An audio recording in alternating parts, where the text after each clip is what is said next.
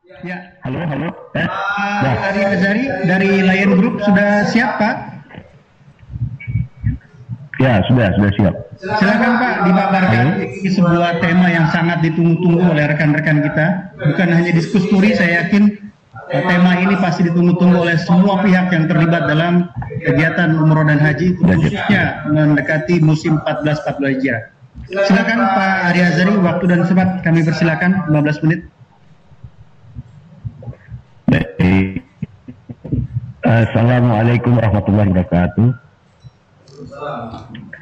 Pertama-tama kami ucapkan terima kasih atas undangan ini Eh, dan suasana juga masih suasana lebaran. Kami mewakili manajemen mengucapkan selamat Hari Raya Idul Fitri, mohon maaf lahir dan batin.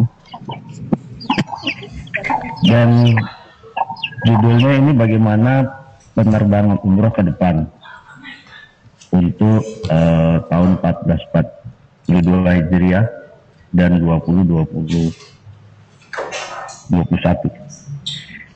Lion Air sudah siap dengan armadanya sesuai apa yang seperti tahun-tahun lalu dan kami pun sudah berkoordinasi dengan mitra-mitra kami eh, tetap melaksanakan seperti tahun lalu. Nah, memang apa yang dikatakan tadi bahwa eh, prosedurnya dalam kondisi COVID-19 ini belum ada kejelasan bagaimana aturannya, apakah sama aturannya seperti apa yang dilakukan saat ini. Kalau kita mengacu ke ayat terus itu memang saat ini di seluruh internasional dibatasin. Nah, apakah yang umroh ini juga akan dibatasi? Nah, ini kita belum tahu lagi.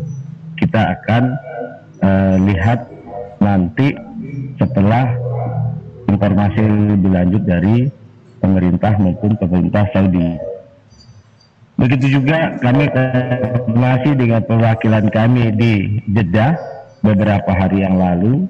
Memang di sana eh, saat ini di lockdown lagi, ya. Dan rencana akan dibuka tanggal 29 Juni itu dibuka lagi. Nah di sana pun memang domestiknya juga eh, dibatasin. Jadi hanya bisa isi 70 persen. Nah itu juga yang kita lihat. Tapi kalau yang bisnis kelasnya itu bisa diisi full. Nah kita juga punya yang premium punya, ya. Nah itu bisa diisi full. Kalau memang itu akan dilakukan ke depan nanti isian 70 persen. Nah itu mungkin berkaitan dengan kosnya.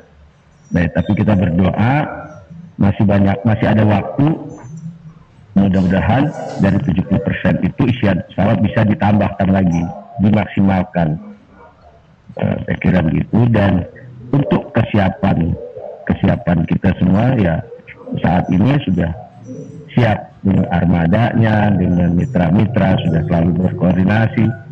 Ya, saya kira mereka juga sudah menjalankan. Nah soal prosedur prosedur nanti akan kita lihat setelah ada eh, pengumuman pengumuman oleh pemerintah khususnya Menteri eh, Kemenhub maupun pemerintah Saudi Arabia. Saya kira itu sementara dulu Pak Moderator. Terima kasih. Baik, terima kasih Pak Ari Azari. Masya Allah, sangat singkat, jelas, padat. Ya. Saya belum menekan stopwatch sudah berhenti dulu ya, Masya Allah. Baik, uh, sambil menunggu Pak Heri untuk uh, online dengan kita, uh, sepertinya sudah ada beberapa hal yang perlu dibahas dari para anggota yang hadir di uh, diskusi siang ini. Mungkin uh, dimulai pertanyaan dari uh, beberapa anggota yang hadir. Silakan, silakan. Jika belum ada, mungkin silakan Pak Arta. Jika memang ada yang perlu ditanyakan langsung kepada Pak Azari Azari atau Pak Ubay. Sementara kita ajukan pertanyaan kepada dua narasumber terlebih dahulu sambil menunggu Bapak Heri Setiawan bisa bergabung dengan kita. Silakan. Ya. Uh, Terima kasih Pak Ubay. Terima kasih Pak Ari. Alhamdulillah sudah bersama-sama kita dan kita sudah dengar. Memang singkat yang disampaikan, tapi belum padat karena memang belum ada informasi yang penting yang kita uh, semestinya bisa terima dan wajar kalau kita belum dapatkan informasi banyak. Tapi tidak ada salahnya kesempatan sekarang kita bincang-bincang persoalan kita ini kita mulai sejak 27 Februari yang lalu di mana 27 Februari eh, eh, yang lalu adalah waktu di mana semua jamaah umroh tidak bisa berangkat. Di jam 11 ke atas sudah nggak ada yang bisa berangkat. Kecuali layan aja itu. Layan kalau Pak Adi ada nggak salah 27 Februari sore masih ada yang berangkat ya? Alhamdulillah. Alhamdulillah. Resepnya apa? itu Pak Azari? Oke, kemudian semua itu berakibat semua itu berakibat kepada tiga hal. Ya, semua itu berakibat kepada tiga hal. Pertama, tiket-tiket yang di yang sudah diisut jadi harus di cancel lagi. Kemudian eh, biaya-biaya uh, yang sudah di DP itu uh, di reschedule lagi. Bahkan hmm. ada yang di ada yang di refund ya walaupun Uh, pembicaraan kita Pak Ari juga hadir nggak salah dan Garuda ya. Saudi Airlines juga hadir di beberapa kali kesempatan. Kita rapat dengan Pak Menteri Agama, kita rapat dengan Menko PMK waktu itu bahwa target kita adalah hmm. reschedule ulang semua jamaah-jamaah yang sudah siap berangkat hmm. untuk berangkat mendapatkan prioritas pada kesempatan yeah. pertama. Saya yakin uh, uh, Pak Ari Pak Ari dua kali hadir pada saat itu. Gitu Pak Ari ya, betul ya? Iya. Iya, iya. Iya, betul. Nah, kemudian tentu ada akibat yang lain dengan tidak berangkatnya grup-grup yang harusnya berangkat, yaitu biaya-biaya yang sudah dibayar sedang dalam proses refund dengan berbagai kondisinya. Baik itu biaya hmm. terkait dengan uh, visa dan segala macam, hotel dan segala macam. Jadi banyak dana yang masih mengendap di sana. Memang konsekuensinya Masya Allah. Nah, kita pahami bersama protokol COVID-19 ini akan menjadi barometer, Pak. Tadi sudah kita dengar dari dari dua narasumber bahwa nantinya setiap aktivitas harian termasuk aktivitas usaha ekonomi akan ber, mengau, akan ber, uh, menggunakan referensi yang sama. Tadi sudah disebut social distancing dan segala macamnya. Nah, kita pertanyaan saya kepada dua narasumber ini, bagaimana kira penerbangan pada layan operasional di tahun depan ini mengantisipasi kondisi-kondisi tersebut di atas, hmm. sehingga benar jamaah dan PPU atau PHK eh, dapat merespon dengan baik kebijakan penerbangan ke depan. Ini pertanyaan umum dulu, saya merangsang mudah-mudahan anggota yang lain kemudian masuk dengan pertanyaan-pertanyaan tajam, kritis, dan solutif mudah-mudahan kita selesai daripada bahasan online pada hari ini. Terima kasih Pak Moderator, terima kasih sebelumnya kepada Pak Arya Zadi dan Pak Ubay yang akan menjawab uh, pertanyaan barusan. Terima kasih, Assalamualaikum. Waalaikumsalam. Waalaikumsalam Baik, terima kasih Pak Arta atas pertanyaannya. Ini saya kira pertanyaannya masih cukup general. Uh, dapat ditujukan kepada Pak Arya Azri atau Pak Ubay Dipersilakan mungkin gambarannya pertanyaan Pak Atta, Pak Sekjen ini bagaimana sih nanti ke depannya? Karena kita semua sedang blank ini ya. Apakah uh, aturan-aturan ini pasti diberlakukan atau tidak? Mungkin bisa digali lebih dalam lagi bagaimana penerbangan umroh 1442 Hijriah ini ke depannya.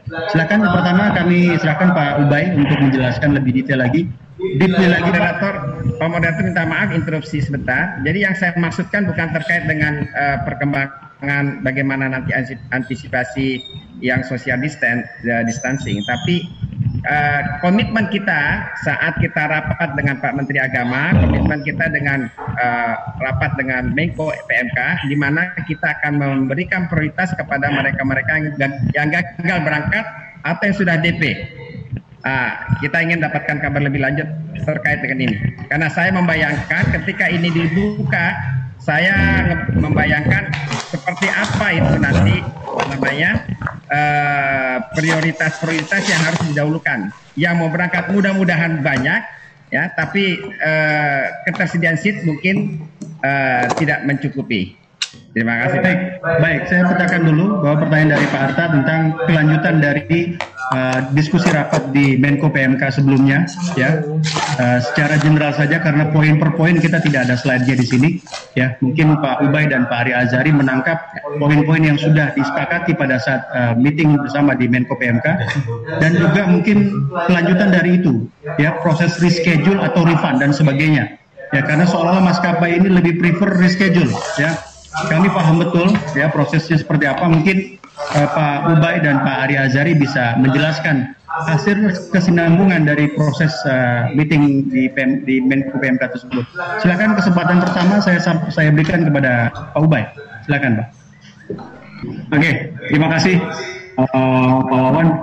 Pertama, saya hadir pada saat rapat koordinasi pertama dengan Pak Menteri Agama di Kemenak pada saat itu uh, saya tidak dapat hadir di dua tidak lanjut rapat di PMK. Namun bahasa saya tetap sama, Pak. Artinya adalah kita tetap menjamin bahwa jamaah yang sudah punya tiket akan kita prioritaskan untuk berangkat di season selanjutnya. Yang kedua, apakah bagi jamaah yang sudah punya tiket, meskipun nanti ada kenaikan harga akan dikenakan, saya jawab tidak. Jadi cara jamaah umroh tidak akan ada penambahan biaya untuk uh, next season. Artinya kalaupun nanti kita nggak tahu kondisi next season seperti apa. Tapi bagi yang sudah punya tiket itu sudah digaransi tidak akan ada penambahan biaya apa pun. Yang kedua, eh, sorry, yang ketiga, kita dari Garuda Indonesia siap dari seluruh armada kita kalau memang nanti ada permintaan dan penumpukan keberangkatan jamaah yang dari tanggal 28 Februari sampai dengan bulan Juni ini kita siap melakukan penambahan kapasitas untuk mengakomodir serta meningkatkan kenyamanan para jamaah kita. Intinya itu, jadi komitmen kita dari Garuda Indonesia bahwa seluruh jamaah yang sudah mempunyai tiket kita komitmen untuk memberangkatkan tanpa biaya tanpa tambahan biaya apa pun. Untuk kapasitas kita akan sesuaikan sesuai dengan kebutuhan atau dengan pendaftaran dari teman-teman travel agent. Karena saya kami sangat sangat sangat sadar bahwa teman-teman travel agent membutuhkan waktu juga seandainya tanggal 15 September dibuka jam uh, untuk penerbangan umroh, teman-teman travel agent juga butuh waktu untuk persiapan baik hotel, visa maupun yang lainnya sehingga memang kita akan di kira-kira penumpukan di tanggal berapa dan kita akan sesuaikan dengan eh, kapasitas kita. Mungkin itu untuk yang tadi poin bahwa komitmen Garuda atas tiket-tiket yang sudah terisut gitu ya. Itu Pak Wak.